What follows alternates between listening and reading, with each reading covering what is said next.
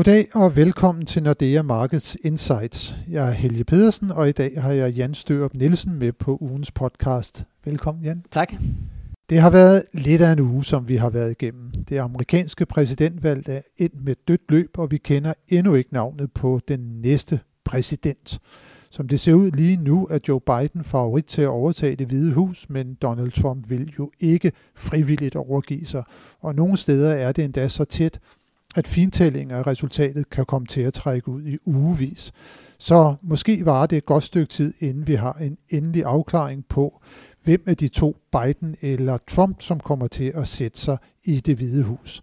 Samtidig ser det ud som om, at kongressen forbliver splittet med et demokratisk flertal i huset, mens republikanerne fortsat vil have flertal i senatet. Det gør det unægteligt lidt sværere for præsidenten, uanset hvem af de to herrer det måtte blive, at gennemføre mere omfattende reformer af det amerikanske samfund. Samtidig, det er også meget væsentligt, at smittetallet fortsat på vej op, og stadig flere lande oplever enten lokale eller nationale nedlukninger, og det samme gør sig gældende herhjemme. Og Jan, nu er syv kommuner i Nordjylland netop blevet ramt af en ganske omfattende nedlukning. Hvad kommer det til at betyde for dansk økonomi?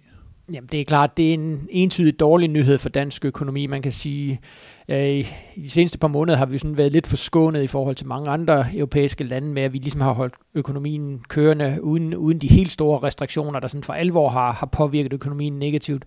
Men altså, ja, nu er det så også kommet til Danmark, og man må sige, jamen altså, det gode, hvis der skal være noget godt i den her situation, det er, at man ligesom har prøvet at begrænse det. Øh, de her syv kommuner, som du nævner, udgør ikke en specielt stor del af den samlede danske økonomi. Øh, men det er klart, altså det vil være med til at trække øh, den samlede aktivitet ned, og det vil formentlig også være med til at, at øge folks nervøsitet for, at altså nu har man øh, lukket øh, nogle kommuner ned i Nordjylland, jamen kan det her risikere at sprede sig, så det, det er dårligt. Det rammer både aktiviteten, og det rammer også en, øh, psykologien i, øh, i økonomien.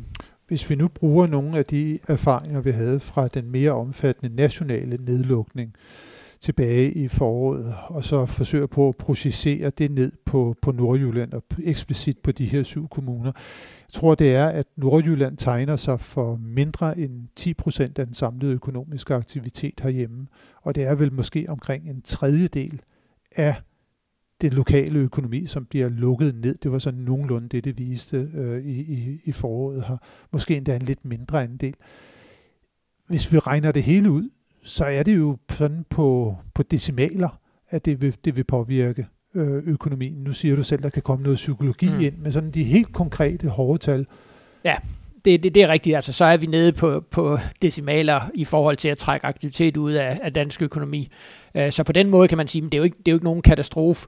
Øh, men igen, altså det, det er det her med, at nu har man øh, lukket ned en måned, risikerer det at blive længere, risikerer der at komme andre kommuner, altså vi har jo, øh, vi har jo de her minkfarmer over hele landet, risikerer der at komme nye kommuner. Øh, men altså hvis vi bare kan, og det krydser vi selvfølgelig fingre for, hvis man ligesom kan holde holdt isoleret til de her syv nordjyske kommuner, jamen så vil det ikke være noget, som sådan for alvor øh, ændrer billedet eller opfattelsen af dansk økonomi. Og man må sige, vi har jo øh, både i år og formentlig også til næste år så store udsving i dansk økonomi, så man, man vil næsten ikke kunne se det i de samlede tal. Øh, men igen, det kræver bare, at det ikke bliver værre end det er lige nu.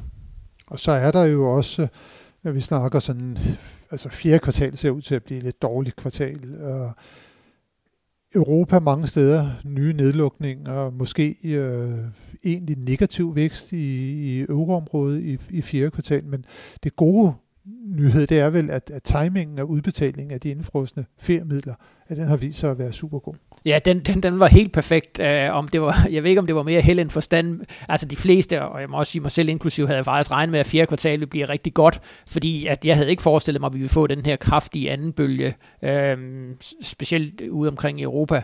Uh, men der må vi sige, der er det her, det var en, en rigtig god gave til dansk økonomi, at der er blevet udbetalt de her omkring 45 milliarder øh, i indefrosne feriepenge, som jo virkelig, og det kan vi jo se på, på nøgletallene, virkelig har løftet forbrugernes øh, køb ude i, ude i de danske butikker. Øh, og i og med, at vi så heller ikke har kunne komme ud og rejse, hjem, så har det jo rigtig meget været koncentreret om, omkring øh, fysisk forbrug øh, herhjemme. Så på den måde har det virkelig været med til at løfte aktiviteten. Og det, det er jo noget af det, som, nu snakker vi om, at fjerde kvartal bliver skidt, men det er jo så noget af det, som faktisk vil, vil løfte aktiviteten i fjerde kvartal. Så det bliver sådan lidt på den ene side og lidt på den anden side.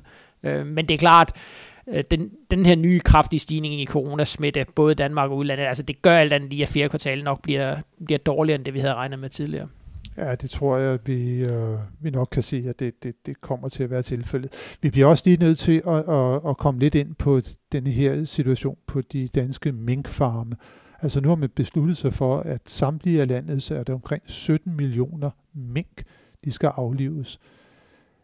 Det i sig selv vil vel også have en betydning for, for, for dansk økonomi, for på et tidspunkt i hvert fald, så var mink industrien, så var den, øh, den var virkelig betydningsfuld. Jeg tror, øh, tilbage i midten af, af 10'erne, altså omkring 2013-14, der var det vel næsten det net, næst vigtigste danske øh, eksportartikel af landbrugsprodukter, det var, det var minkpelse. Jamen det er klart, og altså, så er det så gået lidt ned ad bakke, øh, også øh, på grund af de her kraftige prisfald, der har været på minkskin. Men altså, hvis man tager 2019, jamen så udgjorde eksporten af mink øh, en værdi for omkring 4 milliarder. Der er 3.000 folk, der direkte er ansat i erhvervet.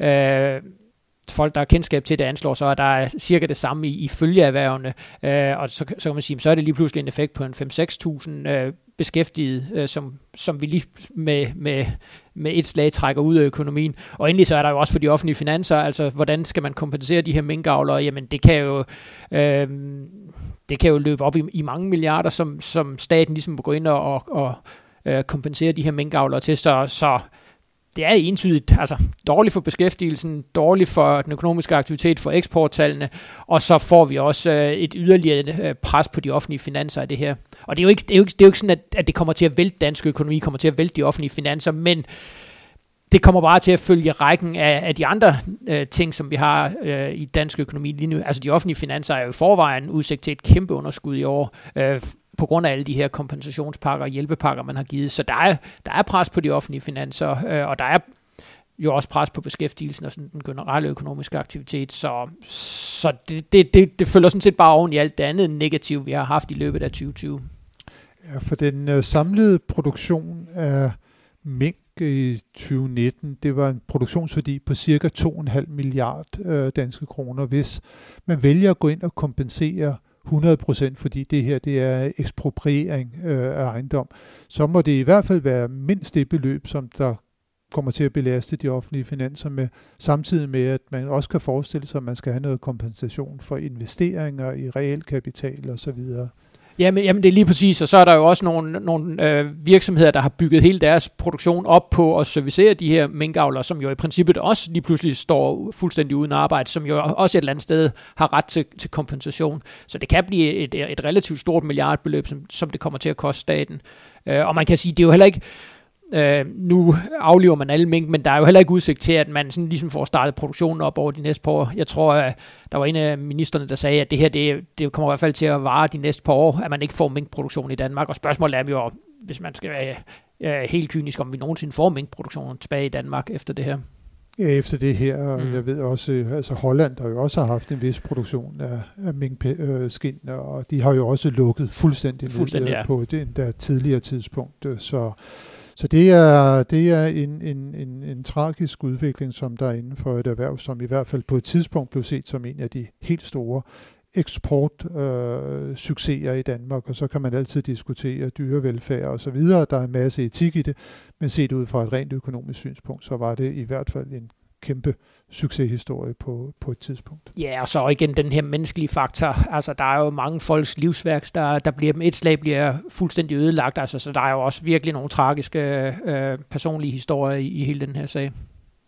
Det er der bestemt. Øh, Jan, hvis vi nu øh, vender blikket lidt ud mod den, den store verden igen, øh, og lige prøver at se på de finansielle markeder og reaktionen oven på det amerikanske præsidentvalg, øh, det er gået sådan lidt op og ned med, med, med aktiekurserne, men øh, vi kunne i hvert fald i morges konstatere, at det hjemlige eliteindeks, det var en noget nær øh, rekord, øh, faldet sådan lidt hen over dagen øh, på grund af noget tiltagende usikkerhed.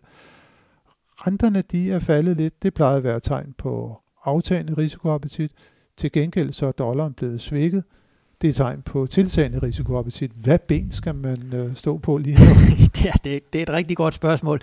Og det er jo sjovt, fordi hvis du havde spurgt mig for to uger siden, og, og hvad det værste udfald for aktiemarkederne ville være, så ville jeg jo sige, at det var sådan en situation, hvor man ikke rigtig vidste, hvem der havde vundet eller tabt, hvor det var rigtig, rigtig tæt i mange stater, så der kunne komme masser af efterfølgende retssager, hvor begge præsidentkandidater var ude og sige, at de havde vundet valget. Altså et eller andet sted vil man jo sige, at det var det værste scenarie for aktierne. Og alligevel så, så virker det som om, at de, øh, de ser bort fra den her usikkerhed og er steget relativt kraftigt. Men i hvert fald på rentemarkedet, der har vi jo set, at de lange renter, specielt de lange amerikanske renter, de er faldet temmelig kraftigt på, på baggrund af det her.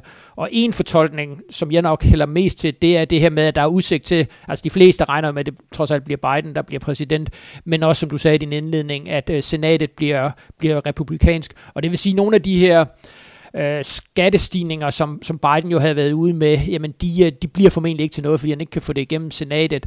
Øh, så jeg tror et eller andet sted, at, at hvis man skal tage den positive hat på, så vil man sige, både fra aktierne, øh, så vil man sige, jamen der kommer ikke... Øh, der kommer ikke de her store øh, skattestigninger til, til dele af erhvervslivet. Det, det kan være med til at understøtte væksten.